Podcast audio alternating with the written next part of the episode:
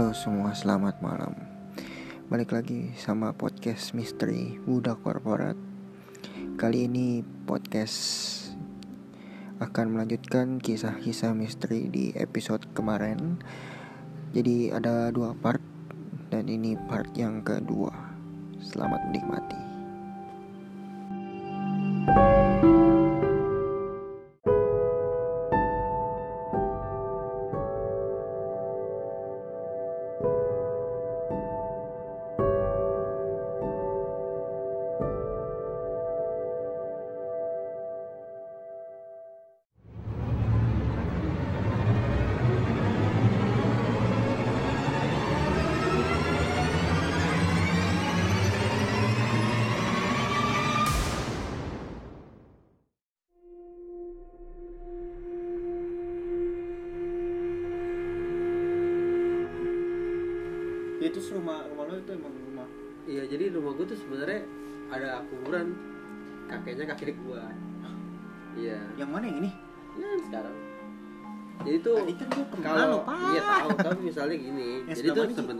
Misalkan kayak sekelebat sekelebat gitu sih gue udah biasa di yang rumah. yang mana sih yang Jadi yang sebelah nih ini ya rumah gue kan posisinya baru dibangun nih sekarang nih. ya ya, tahu Sekarang sama sebelah gue kan sepupu gue tuh sekarang yang kemarin Iya, tuh ha. sepupu gue.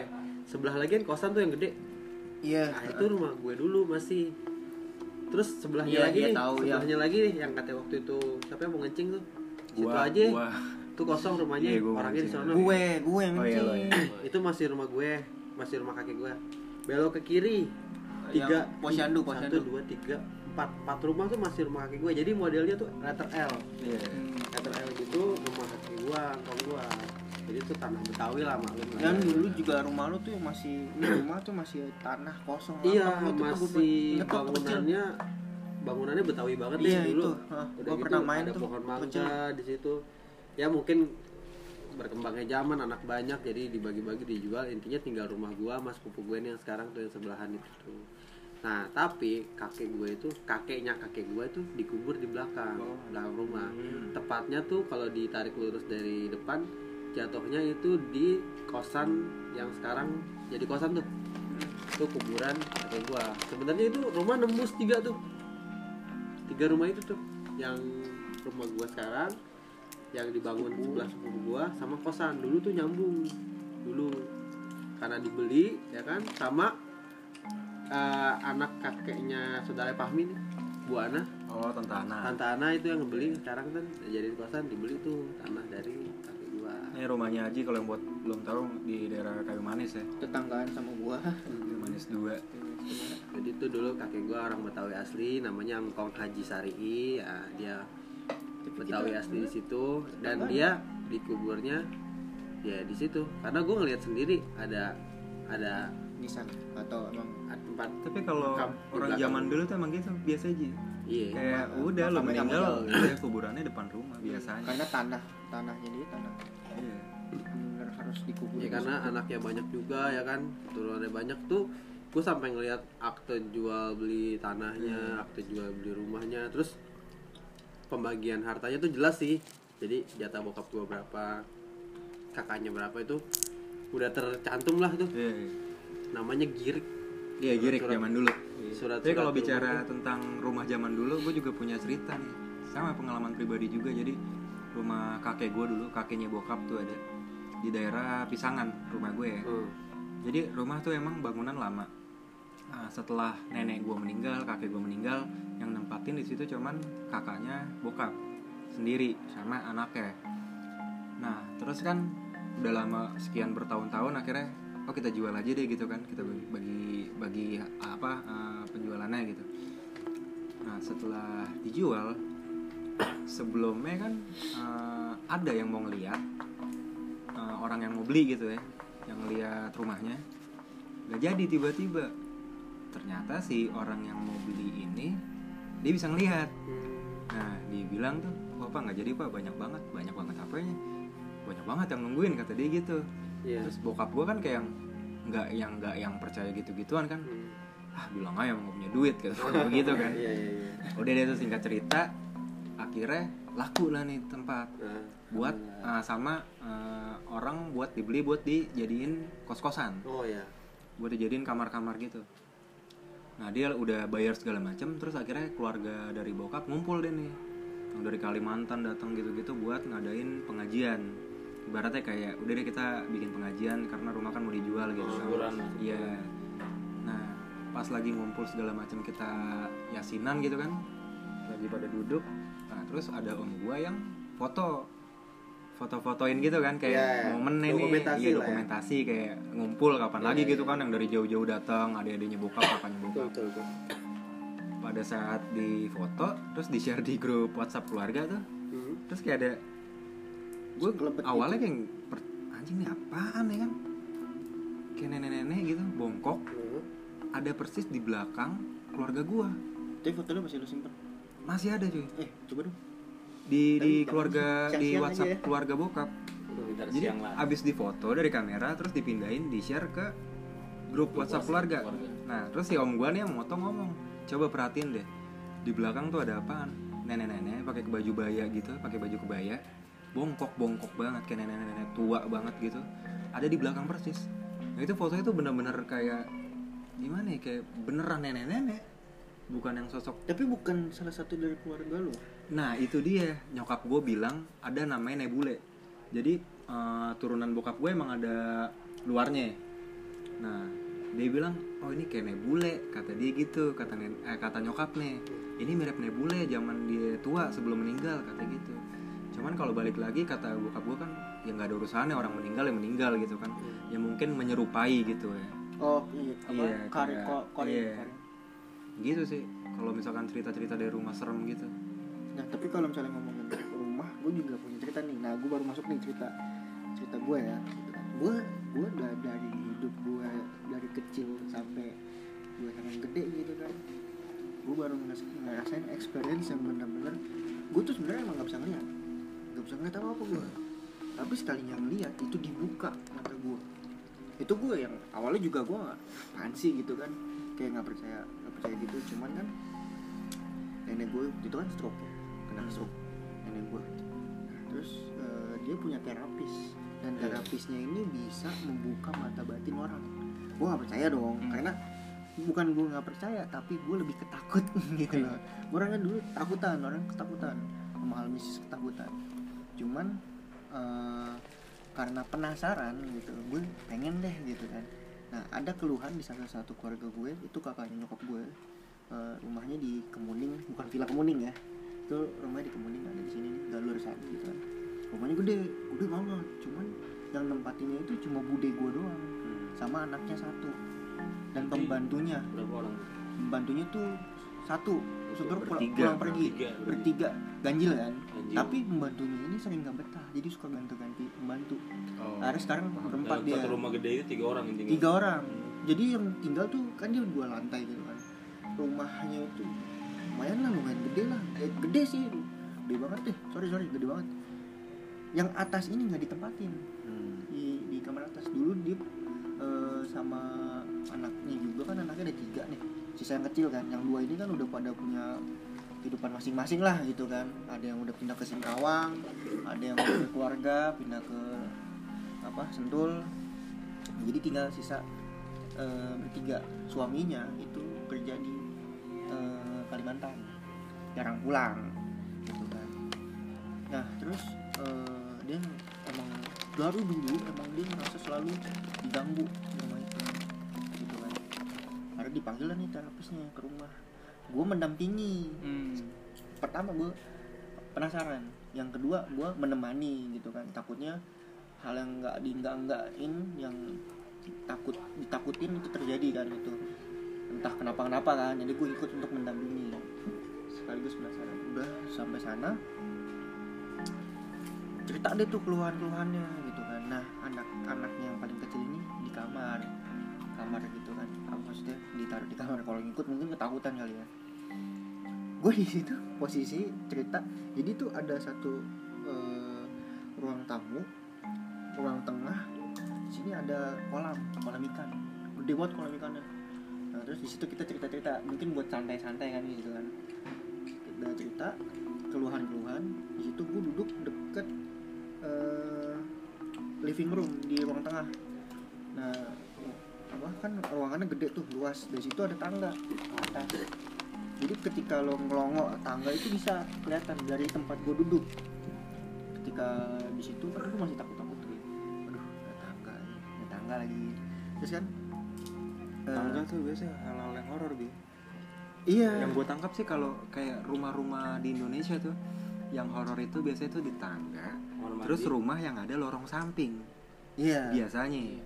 Yang rumah yang ada lorong samping gitu yang buat tembus ke pintu belakang tuh biasanya. Kayak gini? Iya. Enggak ini Kayak nggak di bisa sebelah berbau gue sih. tembus ke belakang. Berbau-bau horor biasanya kalau yang ada uh, lorong samping. Soalnya yang rumah kakek gue yang gue ceritain tadi tuh ada lorong sampingnya. nembus bisa ke kamar mandi sama pintu belakang. Ya lanjut ada lagi. space kosong gitu ya. Lanjut lagi ke cerita gue. Terus udahlah. Cerita cerita keluhan diganggu ini diganggu itu diganggu ini. Nah yang terapis eh, bu apa nenek gue ini cerita ke bude gue. Wah ini sih udah udah kayak saling saling perang ini katanya perang hal gaib gitu. Hmm. jadi gue nggak ngerti juga mungkin yang dimaksud adalah yang kayak kita kita sama misalnya negara mana gitu perang. Dan mereka juga punya kayak kayak perang juga gitu. Intinya Iya. saling mau rebuti kekuasaan tempat tuh. Nggak ngerti juga gue di situ gue nggak ngerti nggak ngerti maksudnya apa. Karena terapisnya juga ceritanya kalau di istilah kita ya. Heeh, Ingin dia dia nggak dia nggak ngerti mau Merebut merebutkan atau lah. apa gitu. Nah ketika gue nanya eh, nanya saat apa nanya ke terapis gue ini kenapa sih? gitu kan. Iya. ada apa sih? Ditawar gue. Kamu mau nggak dibuka? Di situ gue mulai wah apa ya badan tuh udah lemes banget lemes. Yang takut banget takut. Tapi penasaran banget. Nah tapi yang penasaran ini lebih kuat daripada dua energi itu. Ya lu biasanya penasaran sih hal-hal kayak gitu. Terus? Iya kan gua gua udah penasaran banget terus udah ya udah gua dibuka. Nah terus dibuka batin coba gua. Tiga kali tiga kali gua dicoba. Mata tiga kali. Pertama gua gagal. Ah nggak nggak apa gua gitu. kedua gua hampir berhasil. Cuma ngerasa aja ada nih depan gua ada nih. jadi gua gua di dihadepin ke kolam ikannya. Terus ada nih. Nah yang ketiga yang ke, eh, yang ketiga berhasil. Tapi wujudnya nggak jelas gitu. jadi tuh gue baru pertama kali ngeliat hal horor yang ditampakin bukan ditampakin ya lebih dibuka gue nya. Iya. itu baru sekali itu. Sampai sekarang sih gue udah nggak nggak lagi karena udah ditutup juga. Jadi lu lihat itu bayangan gitu apa gimana? Nah bentuknya tuh kayak kalau di kimia kimia tuh kayak apa zat ops zat zat. ops gitu kan? Ah iya kayak blub blub tapi warnanya merah. Kalau menurut versi kimia gitu. Iya kayak zat aduh kayak lu pernah neropong ini gak sih? Kayak Suatu stetoskop gitu Iya, tuh iya, yang iya, ada. mikroba mikroba biologis. gitu gitu nah kayak gitu bentuknya. Tapi merah merah banget. Dan itu hawanya panas. Itu demi allah tuh gue yang oh, gue takutan nih sumpah. Nggak bayangin lagi. Itu katanya itu kakek kakek kakek wah gue ini dong. Terus dikasih tahu sama terapis gue kamu tuh masih ketakutan. Masih belum kuat gitu kan. Kamu ambil wudhu. Ambil wudhu gue ya kan. Nurut dong. Gue ambil wudhu dengan ambil wudhu yang seadanya gue yang maksudnya ya gue belum belum tahu ambil wudhu secara pasti gimana kan gitu kan. Masih dulu kan masih zaman gue SMA kan masih main-main kan wudhu juga kan gitu kan. Baca doa gitu. Diajarin gue pelan-pelan wudhu yang benar. Diajarin doanya selesai ses udah selesai. Udah wudhu set. Wudhu nih. Selesai wudhu kan gue ini mat eh, ada di mata kan. Ngusap-ngusap. Dang di situ ditepok pala gue. Nggak tahu mas apa ya. Ditepok pala gue gue ngelihat kakek kakeknya itu benar-benar wujud asli. Dan minta tolong. Minta tolongnya aduh gue nangis lagi. Minta tolongnya tuh yang eh, benar-benar dia tuh pengen cabut dari situ. Hmm. jadi kan ini kamar ini kamar mandi nih kamar Itu tuh penasaran gitu ya. Kayak kalau penasaran kan? Dia- nggak penasaran. Jadi tuh dia kayak dia mau tolong cabut dari rumah sih. Jadi tuh dia sekeluarga. Di sekeluarga. Oh, kayak diintimidasi gitu ya? Hmm. Nah udah nih. Kan ini kan kamar mandinya. Kamar mandinya tuh ngadep ke arah living room ke tangga tapi ketutupan sama lemari. Jadi ketika lo keluar nih nengok langsung ke arah eh, kolam itu. Gitu kan. Ini di living tuh kan jadi gue langsung ngeliat ke kolam itu kan ngeliat kaki kaki itu kayak minta tolong gitu gue ke situ gue duduk. Gua duduk. Gue bener-bener yang beranikan diri karena gue duduk gitu kan. Kalau kata terapis gue eh kata terapis nenek gue kalau misalnya lu udah wudhu lu kuat. Karena lu iman lo udah ketutup air bersih gitu Hmm. kan. Ayo deh gue duduk nih. Set. Tapi lo takut. Nah, Iya. jadi gue nih bimbang gitu. Udah ajak ngobrol. Ajak ngobrol nih. Uh gue udah kayak alien coy ajak ngobrol tuh telepati. Terus udah nih apa kata nih gue ngerasa dia ngomong gue dia minta tolong sekeluarga. Keluarganya ada di balik ini batu-batu. Jadi kolamnya itu kan kayak air terjun gitu tuh. Iya. di balik-balik batu itu katanya ada keluarganya dia. Gue bilang lu kenapa nggak cabut ke sana? Gitu kan. Hmm. nggak bisa karena di sana itu ke, langsung nembok rumah orang. Dan rumah orang itu ada penunggunya juga. Jadi kan emang rumah itu kan masing-masing ada penunggu dan itu saling kuat-kuatan. Tapi dia kejebak. Pas gue nengok ke ke arah ke arah luar nih. Ke arah ruang tamu nih. Nah, satu kerajaan coy. Ibarat kata lu kayak ngeliat pangeran berkuda itu banyak berjejer. Itu bener-bener gue liat asli di Allah terus gue ngeliat ke garasi kan dibawa ke mana-mana tuh bro. Itu ada kayak gentong gede. Bukan gentong sih jin gede gitu gede banget.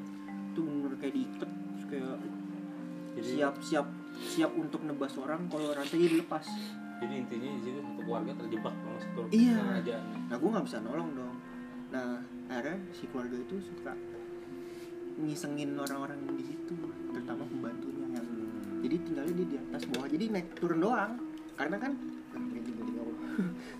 terus di kolam ikannya itu kan apa atasnya kan jebol kan karena buat matahari gitu kan Oh iya. Jadi dia katanya cuma bisa naik turun doang di atas. Nah di atas itu dia mau ngasih tahu mau minta tolong sebenarnya. Iya. terus apa eh ngisengin pembantu. Jadi kan di atas itu langsung jemuran gitu kan. Jadi kayak eh, ngasih tau pembantu pembantu itu tolong dong gitu bantuin gue keluar. Tapi dengan caranya dia ngisengin kayaknya ya karena kan kita manusia nggak bisa ngelihat cuma bisa ngerasain touching touching colekan doang jadi takut kan. Nah kerajaannya ini nih gue baru tahu kalau itu emang kerajaan musuh dari kerajaan yang keturunan dari gue. Gue ini ada ada gulungannya mungkin kalau gue kasih lihat ya. Gulungannya tuh gulungan Majapahit gitu. Pokoknya silsilahnya panjang lah. iya parah banyak banget. Gue ada gulungannya. Ternyata emang musuhnya yang bener-bener gue hadang gitu keluarga. Nah itu keluarga itu itu kayak ibarat kata jadi kayak lu baru bangun bangun bangun rumah nih. Ya kalau bangun rumah ternyata gue baru tahu ada hantu bukan hantu ya ibarat kata penunggu. Itu yang langsung bener-bener datang ke rumah itu. Yang bener-bener tidurin rumah itu yang bener-bener menjaga. Pas ngebangunnya ketika bangun rumah selesai itu bude gue datang tapi bawa pasukan. Ternyata emang diikutin dia. Jadi keluarga itu eh keluarga bude gue netap langsung dijaga di depan. Jadi kan dia ke penunggu itu kan dari awal bangun rumah itu dia udah ada. Ketika udah jadi nih tas bude gue datang dong keluarga dan tapi bawa pasukan tapi langsung nutup jalan yang di luar Hmm. Oh kayaknya jadi satu penunggu itu. kan Iya. ya. Nah itu di situ yang bikin gue makin percaya kan. Nih gue makin aneh nih bilang gitu. Gue takut ini halusinasi gue doang. Dibuka sama telepati, eh telepati terapis nenek gue itu ke mana-mana. Gue dibawa ke rumah Pontianak, ya maksudnya di Kalimantan. Eh, lalu gue disuruh ngeliat aktivitas budi gue. Tapi di situ lu hanya bisa lihat aktivitas ya untuk komunikasi ini Belum. belum bisa ya. tapi gue ngeliat bude gue ngapain gini ini gue gue ngomong gue nggak pernah sama sekali ke rumah bude gue yang di sana sama sekali bude gue langsung kaget di situ sumpah gue langsung wah inilah experience gue ya gue yang bikin gue pengen ditutup matanya itu dia udah narik gue coy udah bener-bener kayak mau masuk ke dunianya ya. bu- bukan sih lebih kayak tolongin gue tapi bener kasar Lebih kepaksaan ya. Eh, jadi jadi ternyata gue baru tahu kalau han penunggu sorry penunggu itu dia ada batas kesabarannya juga jadi nggak bakal ngeganggu kita yang lebih ekstrim kalau misalnya di touching itu masih level standar tapi kalau lu ngerasa kayak kegampar ketimpa atau lu kepukul atau suara cekikikan itu udah ekstrim. Itu udah ekstrim. Gue baru tahu dikasih tahu sama terapisnya dan merasakan itu. Udah gue langsung minta tutup tutup tutup tutup tutup udah. Gue nggak salah apa. Tapi dari situ gue kebawa kayak hawa-hawa. Misalnya nih gue lagi sekarang nih merinding. Kalau gue pusing itu ada. Ini gue lagi pusing nih. Kayak hawanya dong iya tapi untuk berat malah gue kayak untuk kayak bisa itu udah tertutup ya? Udah ketutup alhamdulillah. Itu kalau merasakan hawa-hawa di ada nih gitu ya. Itu masih ada. Cuman nggak terlalu ini gue kan nggak experience banget nih nggak nggak harus wah gue harus buka Iya, terus mata gue Iya. itu itu serem banget coy. Kembali cerita gue semua sih sebenarnya kembali semua dari kitanya tapi gue mempertanyakan kayak lu bingung gak sih di Indonesia ya khususnya kayak serem. setan atau hantu gitu pasti tuh yang sosoknya kayak nenek-nenek kakek-kakek perempuan anak kecil. Itu pasti itu kan tuh kenapa ya? Memikat atau bisa dibilang eh, apa ya? Kalau nenek itu kan bisa di, di- diibaratkan kayak petuah iya di, di, di, di daerah situ misal. Kayak sampai masuk gitu loh ke film Tapi kalau- media ya kan? kalau menurut gue itu makanya itu banyak tergantung dari bayangan sebenarnya sih. Kayak misalnya gue kan yang dibuka mata batin itu gue ngeliat sosok kuda tapi belum tentu terapis gue itu sama. Tapi ngeliat kerajaan. Satu kerajaan. Tapi belum tentu yang itu sama. Tapi di bayangan gue nah makanya gue bilang kenapa kenapa gue bilang kayak merasa halus halusinasi. Nah itu. Lu bayangan lo apa? Iya. Jadi misalnya orang-orang kita ya. orang-orang nih ngeliat ada ngocok nih misalnya. Ada ngocok ada ada kunci gitu. Lu pasti kebayang-bayang terus kunci wujudnya kayak gini-gini cerita orang nih. Ya ketika deskripsi lu orang pasti ketemu gitu. jin atau hantu gitu pasti lu ngebayangin langsung situ. kalau nggak kalau kuntilanak ngocok gitu. ya kan sugesti langsung berbentuk ya. gitu langsung. Tapi katanya hantu paling serem tuh pocong. Katanya sih. Apply sendiri tuh asik Kok boleh horor? Katanya sih gitu. Hantu paling serem itu. ya, dua nih. katanya ngocok makin malam makin Apa ya? horor Jangan di play dong. Kok play sendiri sumpah. Ini gue lagi lagi lagi bikin podcast terus tiba-tiba lah laptopnya ke play musik tahu tuh sendiri. kat- katanya tuh eh, si makhluk-makhluk yang tidak terlihat ini asli panas. mereka tuh emang punya kehidupan yang sama sama, kayak- sama kayak kita Ada bapak, ada ibu iya gitu ya. ada Iya, dia ada punya keluarga keluarga, keluarga.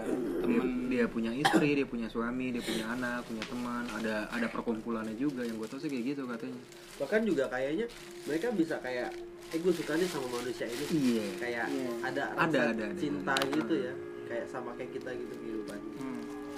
mungkin lebih ke care lagi Lebih care sama orang-orang nih lu jadi gak boleh ke mana-mana nah untuk bang ini udah cerita dong lu masa nggak punya sih kalau gue sih eh, pengalaman gue ya udah cukup lama. Cuman setahun yang lalu lah setahun yang lalu. Hmm. pengalaman gue waktu gue di event di Semarang. Event di Semarang? Iya. Event apaan tuh? Itu eh, launching rokok. Produk rokok lah. Apa ya? jangan disebut lah. Ya jangan disebut merek lah. Terus? Eh, suatu saat gue sampailah di Semarang gue nginep di hotel dan hotelnya itu pada pada hari itu ya keadaannya biasa aja biasa aja. Cuman pas hari keduanya itu kan loading. Kita eh, event itu ada loading loading in sama loading out. Iya. Nah, setelah selesai event itu, setelah selesai event kita malam itu loading out itu sekitar jam 1. Nah, da- emang dari awal kita mau berangkat ke event itu eh, teman gue ini udah nggak enak badan di saat itu. Dan gue ngehandle event itu cuman berdua. Berdua tim gue cuman berdua di hotel itu berdua untuk berangkat event ke suatu eh, hiburan malam lah. Eh, di sana kita loading out selesai setengah dua setengah dua jam hampir jam dua lah. Nah temen gue itu udah udah badannya udah kayak masuk angin lah istilah kata udah kayak enak. iya am gue balik duluan ya ke hotel ada dia bilang gitu. Balik, dia balik duluan ke hotel. Eh, oke deh lu yang lu yang handle sendiri. Ya udah gue yang handle sendiri. Sampai ini selesai. Eh, akhirnya dia pulang tuh ke hotel. Eh, gua di si event itu eh, loading itu sampai jam setengah tiga. Selesai selesai setengah tiga. Pagi? Pagi. Setengah tiga pagi gue telepon dong. Gue udah selesai nih. Oh yaudah lu langsung aja ke hotel gue nitip makanan. Gue bawa makanan kan ke hotel. Entah kenapa gue sampai hotel itu hot, gue masuk lorong tuh ya. Jadi hotelnya itu sistemnya lorong gelap. Tapi hotelnya bangunannya bangunan lama. Apa? Iya itu eh, atau kayak- hotel zaman dulu gitu ya? bangunan bangunan lama. Cuman lantainya lumayan tinggi sih ada enam lantai. Gue di lantai tiga Lo di lantai tiga tuh. iya gue di lantai tiga. Eh, setelah itu gue masuk ke lift ya kan? Ke lift itu lampu itu kedip-kedip sendiri. Entah kenapa itu gue nggak tahu nggak tahu lah. Gue suges saya mungkin. Mungkin habis. Kalau bangunan lama ya gue percaya sih kayak emang namanya lo bangunan lama gitu kan udah puluhan tahun kayak pasti banyak kayak nunggunya gitu ya. Hmm. Cuman setelah gue sampai di kamar di kamar eh, tempat gue nginep, eh, gue ketok dong pintu dong. Kan kalau teman gue itu di di dalam, gue ketok. Cuman gak nyaut nyaut. Ya pikiran gue sih dia ya tidur, kali ya tidur. Karena sakit. Ya. Ah, tidur gue ketok berkali-kali gue telepon gak diangkat ya kan terus gue turun ke bawah nanya resepsionis "Eh, mbak kamar ini udah ada teman saya udah pulang belum kayaknya belum ada deh. Hmm. tapi gue balik lagi itu ada kayak suara TV di dalam. Gue masih nggak percaya dong. Ya udah akhirnya gue ah positif aja kali. Mungkin yang sebelah. Iya. gue buka. Emang ternyata di kamar itu nggak ada siapa-siapa. Teman gue ternyata gue telepon lagi baru diangkat. Pas gue di dalam kamar tuh gue telepon gue telepon teman gue baru diangkat. Lu di mana? Gue bilang. Dia bilang gue gue nggak langsung ke hotel nih. Gue pijit dulu. Biar badan gue enakan kata dia. Nah setelah itu udah dong. Kita se gue sendiri di kamar itu em, ya udahlah. Eh, mungkin suges gue doang. Gue bersih bersih di kamar mandi. Setelah itu gue eh, capek ya namanya orang habis loading out. Kita cap gue sendiri tuh capek. Gue tiduran terus lampu gue matiin tapi TV gue nyalain. TV gue nyalain biar cahayanya itu nggak terlalu redup. Iya. nggak terlalu gelap lah kita kata habis bersih bersih gue di di di kasur itu main handphone eh, tiba-tiba suara keran nyala sendiri. Entah itu apa gue nggak ngerti deh. Keran nyala sendiri. Anjing horor. banget. Gue suges tuh mungkin terus gue ke kamar mandi dong gue cek Iya, Gua penasaran mati. tuh kalau iya, gitu pasti tuh. iya penasaran pasti bener ternyata keran itu nyala sendiri gue matiin dong kerannya set mungkin kendor atau apa gitu kan gue nggak ngerti lah terus gue balik lagi ke kasur gue udah mulai eh, ngerasa ngerasa nggak enak Hawa panas iya ya. awalnya Berasa sih pasti udah nggak gitu enak pasti berasa. ini gue cerita ini juga merinding ya terus gue telepon lu balik dong cepetan gue di sini. Ketakutan lah. iya udah Panik udah nggak sendiri. enak lah udah nggak enak. Udah gak ada selimut ya. Udah gak enak. Gue telepon temen gue iya iya gue balik. Nggak lama kemudian dia balik. Dia balik.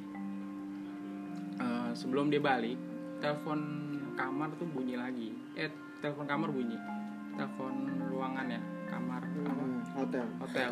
Gue angkat nggak ada yang ngomong gue tuh nggak ada yang ngomong. Ya udah mulai suges lagi gue di situ. Terus nggak lama ketok-ketok kan. Gue udah wah Parno nih Parno. Ternyata teman gue balik.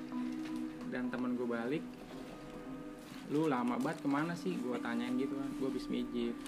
Terus setelah itu eh, teman gue balik dia mandi kan. Mandi be- beres terus badan lu masih eh, udah udah enakan? Udah nggak? Tadi gua habis dipijit di tempat pijit eh, refleksi kata dia gitu. Karena emang badan dia nggak enak ya. iya masuk angin. Sakit ya. terus setelah itu tiba-tiba udah dong kita apa udah gua ada udah ada temennya di kamar itu berdua. Gue udah mulai ngerasa biasa lah biasa setelah Udah ada temen ya, iya kan? udah ada temen. Setelah itu tiba-tiba dia kayak lu ngerasa gak sih kalau cowok ketawa ketawa sen- ketawa itu kan biasa ya? Dia kayak ketawanya itu kayak cewek. ketawa cewek. Nah lu serius tuh iya. Bener-bener suara perempuan. Ketawanya gitu senyumnya senyumnya senyum cewek lah ketawa cewek. Ih, nggak nggak nggak nggak hihi juga sih. Maksudnya kayak tapi lu senyumnya udah tuh. udah ini- beda udah beda. Oh my god. Udah beda. Gue kalau yang ada di sini gue tampol gue sih gue takut sih bener. Gue tampol langsung senyumnya udah beda. Gue udah mulai merinding lagi di situ. Lu jangan nakut nakutin gue lu mentang-mentang tadi gue di sini sendiri kan? Udah gak enak. Terus setelah ketawa sendiri gue udah mulai panik tuh dia kan? Gue udah mulai panik. Eh, terus gue telepon dong ke resepsionis. Oh iya terus kata resepsionisnya nanti securitynya datang ke atas yang buat eh, ngehandle. Setelah gue telepon security sampai atas dia udah biasa aja entah kenapa gue nggak tahu dia udah biasa aja.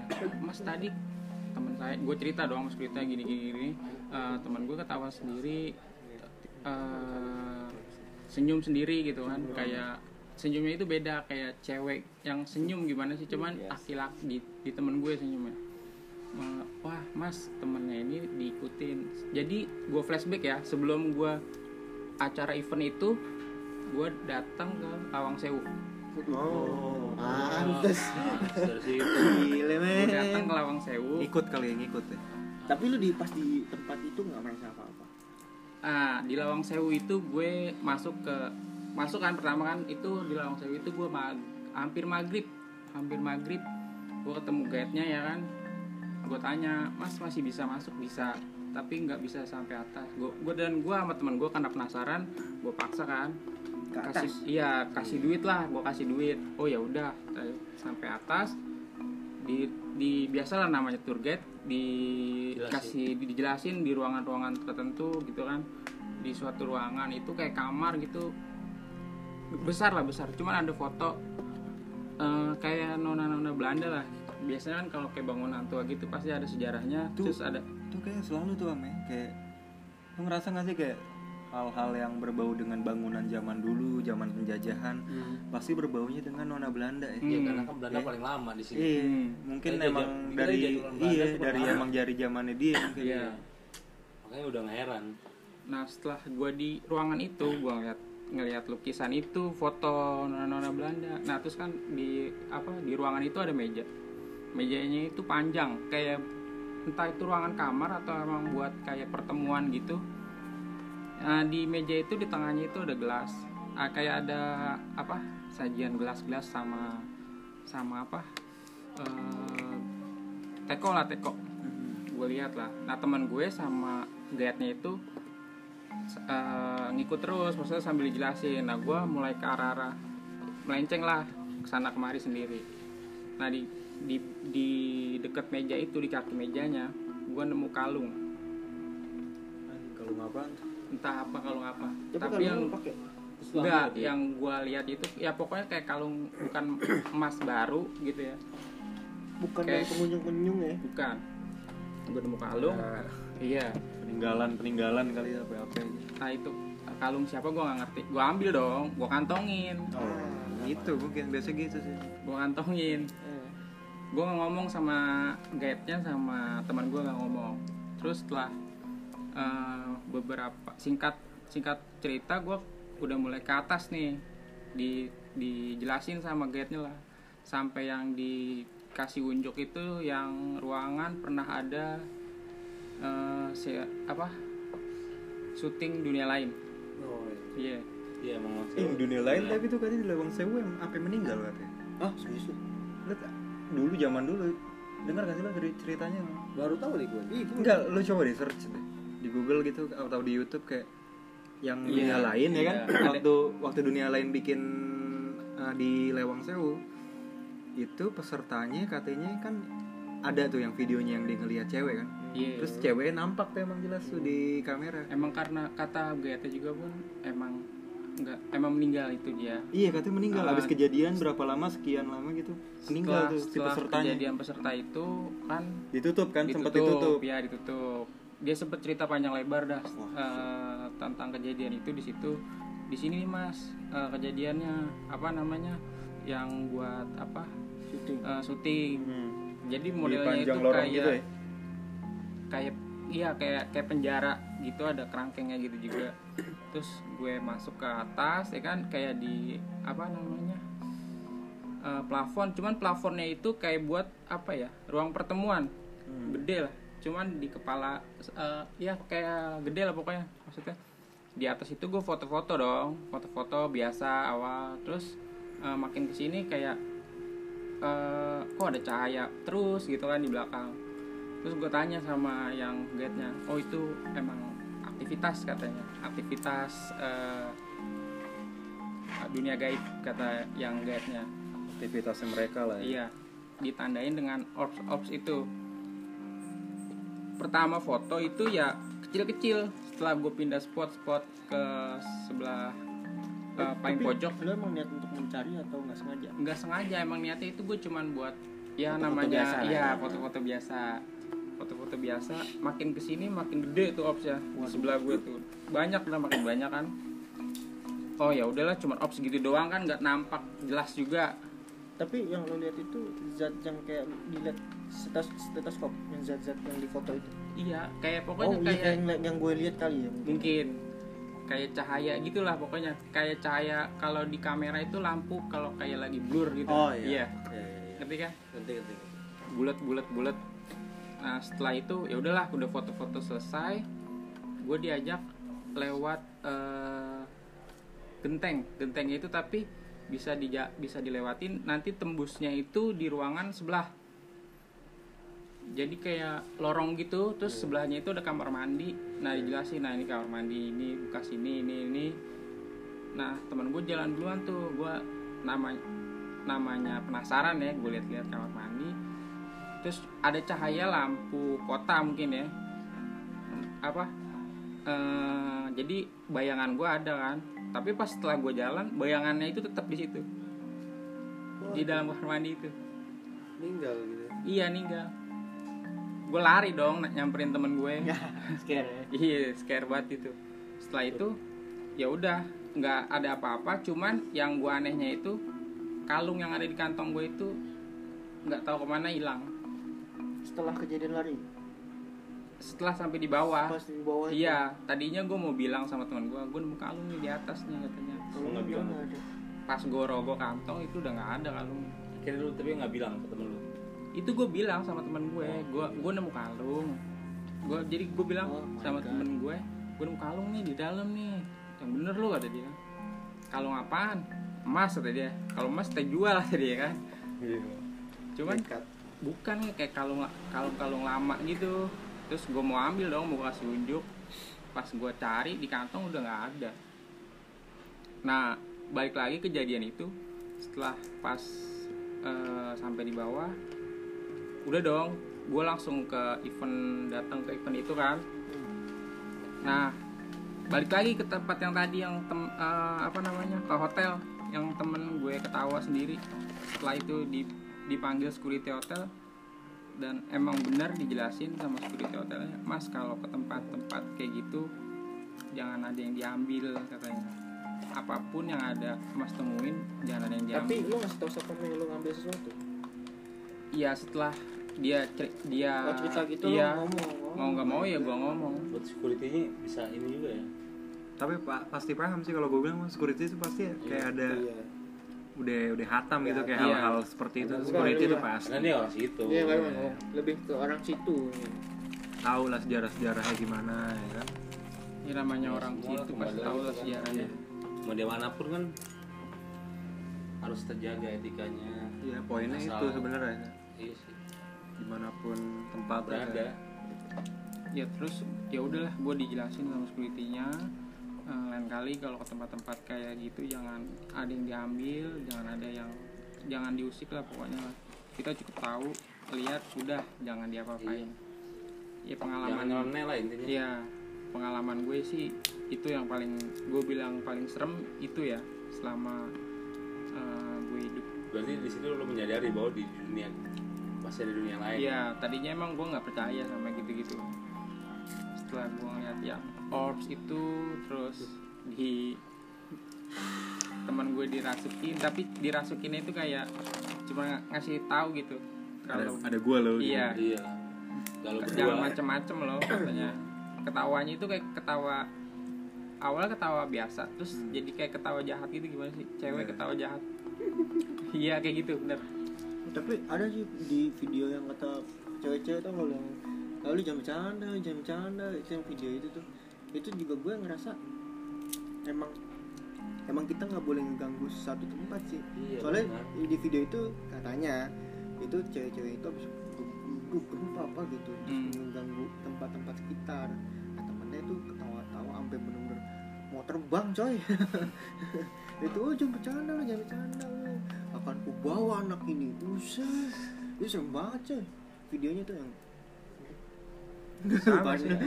jadi jadi parno sendiri gue. Iya sama kayak di kampus gue kejadian kayak gitu ya. Kita tewok gitu ya. Habis pada biasa lah kan Anak kampus minum segala macem. Ada kata-kata yang tak kabur. Iya biasa lah anak, anak muda gitu kan ngomongnya udah salah tinggi salah kali udah tinggi. Cerita kabur. Mentang udah tinggi ngomongnya asal. Nah jam 3 gue balik Sebagian masih ada yang di kampus tuh. Nah kencing sembarangan apa gimana katanya. Nah terus ketempelan cewek katanya nggak suka tempatnya dikencingin sampai sembarangan. tiga orang ber- ber- berpindah-pindah. Iya. Ya poinnya itu sih paling tapi kayak kalau kita pas. merasakan sesuatu tuh biasanya lu dari mana? Kalau gue kan hawa gitu kan emang. Awal terus dari berat badan belakang. Haji kan mungkin capean gitu. Semua sih. eh kalau binatang-binatang gitu bisa indikasi nggak sih adanya? Bisa. Yang gua tahu kucing hewan bisa ya bisa. Malah kucing kalau hewan anjing. gue taunya emang dia bisa mendengar suara kita lagi Iya. disiksa. Itu hewan ya. Tapi kalau yang mengisyaratkan ada sesuatu hal Pasti di bisa. lo, biasanya Eh, hewan yang gue tahu burung ya. Nah, suara burung tengah malam tuh yang tuh. kayak burung tengah malam lu pasti pernah jangan kan burung ayam. Ayam kalau Ayam. berkokok Oh, kalau- jam kalau tengah 2 malam ya? jam 1 jam 2 jam katanya 1 ngeliat ya itu ada. Ada yang ngilat ada yang beranak gitu man tapi versi versi ah, beda gue beda juga banyak versi ya kalau ayam. Iya. karena gue pernah dengar juga kalau ayam berkokok jam segitu tuh katanya sih malaikat turun. Ada Oh, yang iya. bilang ada yang bilang lahirin. Anjing juga ya. bersyukurlah kalian yang dengar ayam jam segitu. Berarti ada malaikat di sekitar kalian yang sedang. Ya entah ngasih wayu entah ngasih rezeki itu banyak hal tapi gue pernah loh Ji. Kejadian di rumah nih sama Eh, jadi tukang minta-minta gitu. Tukang minta-minta gue lagi di depan lagi ngerokok. Kejadiannya tuh abis gue lulus sekolah. SMA ah tukang minta-minta udah tua gitu deh bapak-bapak tua. Dia datang gue lagi ngerokok di depan wangi Ji. Tukang minta-minta wanginya minta ampun. Wangi banget. Itu jam berapa? Menjelang maghrib. Sore pokoknya gue lagi di depan lagi ngopi lagi ngerokok tukang minta-minta datang wanginya minta ampun. Bingung gak sih lo kayak tukang minta-minta wangi anjing wangi wangi enak. Terus pas gue ke dalam gitu ngambil recehan ya kan gue keluar lagi kagak ada. Gue cari nggak ada anjing. Sampai bingung gue sekarang kayak anjing apa tapi biasanya emang ada yang bersosok untuk kebaikan gitu memperingati kita sih sebenarnya sih Amal-amal. harus sering beramal Iya. lagi. tapi kan di Quran juga ada kan jin bisa kadang-kadang baik kadang-kadang bisa jadi jahat jin Islam ya katanya ada jin Islam Iya. nah itu yang gue nggak ngerti tuh kayak jadi katanya itu emang bener jin itu bisa jin itu kayak dua dua pribadi gitu ya kadang-kadang lu baik kadang-kadang jahat gitu jadi kayak misalnya lu maghrib nih lu dituntun untuk ke masjid tapi langsung bisa berubah ketika ingat teman-teman lo tapi awalnya tadinya eh, masjid Masjid. masjid itu jin tuh bisa kan karena jin itu kan bisa bersekongkol ke mana aja udah kita hepan aja ngapain sholat kan gitu ya. Ya, Korin aja kan jin kan itu. Oke. Kalau untuk binatang cicak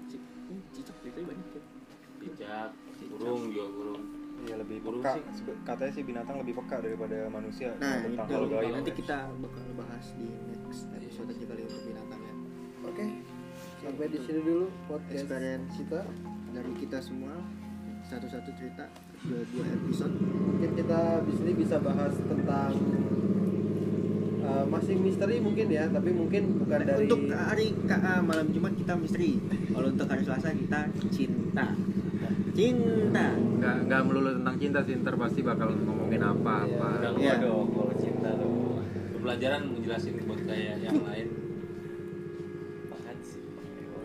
Ya pokoknya gitu ambil poinnya sih poinnya kayak ya lo jangan sembarangan lah di tempat Iya, orang Di mana pun berada ya. Iya, di, Iya. di mana pun lo berada di tempat asing, tempat baru lo singgahi ya jangan semena-mena lah, jangan jangan merasa paling hebat gitu, jangan suzon, jangan lah. takabur. Pokoknya dari cerita-cerita ini lo Iya. ambil positifnya. Ini sharing-sharing kita aja buat para pendengar mudah-mudahan bisa berbagi dan bermanfaat buat kalian semua ya. Dan doakan Aji yang udah seminggu ini masih ketempelan. Jangan dua, dong. dua kali dua, dua kali episode nih. Masih gini-gini aja oke sampai jumpa di podcast berikutnya. Ya. Ya, thank you. dah. Dadah.